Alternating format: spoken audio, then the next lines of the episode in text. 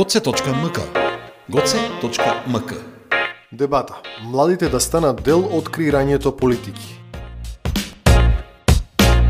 Потребно е младите да се вклучат што повеќе во креирањето на политики. Важно е младите да бидат активни и дел од процесот за пристапување кон Европската Унија. Ова се дел од заклучоците од втората дебата на Институтот за добро управување и евроатлански перспективи, насловена Младите се во Европската Унија.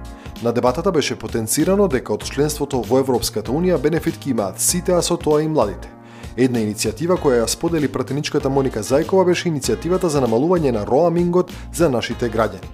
Токму затоа, лично јасно и сите пратеници од клубот на млади пратеници ги очекуваме со нетрпение вашите конкретни иницијативи со цел да дадеме поддршка и конкретен придонес за нивно спроведување, рече Зајкова. Иселувањето на младите е и поради тоа што тие немаат активност и улога во носењето на одлуки, вели Александар Ивановски, директор на ЦФЕ, Европска асоциација на даночни советници. Практично, преку овие проекти се обидуваме да дадеме директна шанса за вклученост на младите да имаат тие своја улога во целиот процес. Пример, преку посети во Брисел, различни идеи за активности и проекти за кои дискутиравме на оваа и на предходната средба, со младите луѓе кои сакаат да бидат вклучени во процесите преку невладините организации.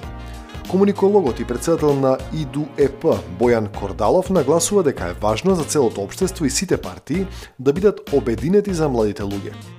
Секогаш кога се зборува за младите, нивниот стандард, нивната перспектива тие да бидат ставени во седиштето и да им се даде шанса да ги креираат политиките. Сакам да испратам порака и надеж дека ваквиот пример ќе следат сите институции и на вистина ќе можеме заедно да предизвикаме промени. Анкети. Младите луѓе сакаат да учат во земите од Европската Унија. Анкетите покажуваат дека мотивацијата и желбата кај младите да учат и стекнат работно искуство во некоја земја од Европската Унија е огромна, што е за поздравување, но на што загрижува е дека бројот на млади кои би сакале да се вратат дома и понатаму е многу мал, односно речиси незабележителен, рече Кордалов.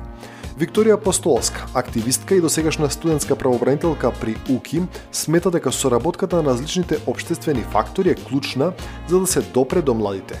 Меѓутоа, на крајот токму младите луѓе се тие кои треба да го препознаат ова и да работат во насока на одлучување и креирање во обштеството. Александар Николовски, досегашен председател на Факултетското студентско собрание на економскиот факултет во УКИ, изрази уверување дека тие како млади луѓе можат да придонесат во промената на општеството и системот но од несогледливо значење за тоа е поддршката од сите оние која спроведуваат политиката, односно се главни чинители во креирањето на политики. Да се намалат давачките за нови бизниси, фокус на барањата на младите, размена на идеи со Европската Унија и многу други.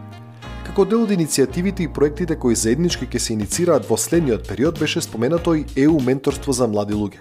Станува збор за активација на поголем број млади луѓе преку младинските организации за придонес во евроатланските интеграции заекнување на процесот на дигитализација, намалување на процедурите и укенување на давачките за млади луѓе да отворат и отпочнат своји бизниси, зголемена културна понуда и размена на младински културни иницијативи од Европската Унија, намалување на дневната партиска политика и фокусирање на младите и нивните барања од страна на институциите и политичарите вклучување на младите во заклучоците од Жан Моне диалогот, иницијатива за повеќе младински медиумски активности и други.